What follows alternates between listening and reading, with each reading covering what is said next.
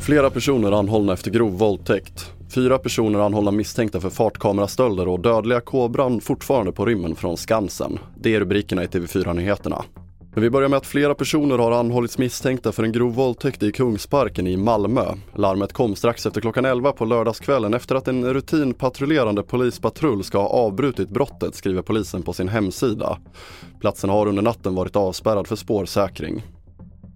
Vi fortsätter med att fyra personer i 20-årsåldern har anhållits misstänkta för fartkamerastölder i Katrineholm under natten mot söndagen. Fartkamerorna ska ha hittats i de misstänktas fordon enligt uppgifter till TV4 Nyheterna.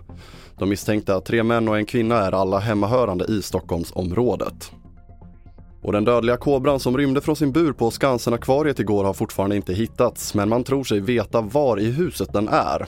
Ormen är fyra år gammal och runt 2,5 meter lång och den har bara bott på Skansen i några dagar. Delar av Skansen-akvariet håller stängt på söndagen men delen som kallas aphuset som är en annan byggnad än den som ormen befinner sig i håller öppet. Ja, man letar ju överallt i alla bakutrymmen. Själv sitter jag på en konferens i Spanien så jag följer det ju inte i detalj. Men jag har ju löpande kontakt med dem. De letar i alla tänkbara bakutrymmen och skrymslen och lite varstans. Ja, alltså det är ju en giftig orm. Det är det ju, men de kungskobrar är ju väldigt lugna och den här är ju van vid människor också.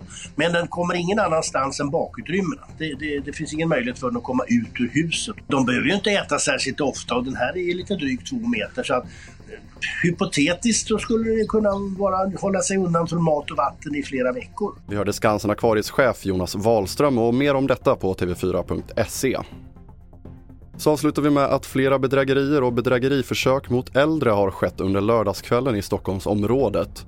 Bedragarna har ringt och utgett sig för att vara poliser som ska skydda dem från att bli utsatta för brott genom att ta hand om deras värdeföremål och bedragarna som varit både män och kvinnor har även varit utklädda i uniformsliknande kläder när de kommit till platsen. Fler nyheter hittar du på tv4.se. Jag heter André Metenen Persson.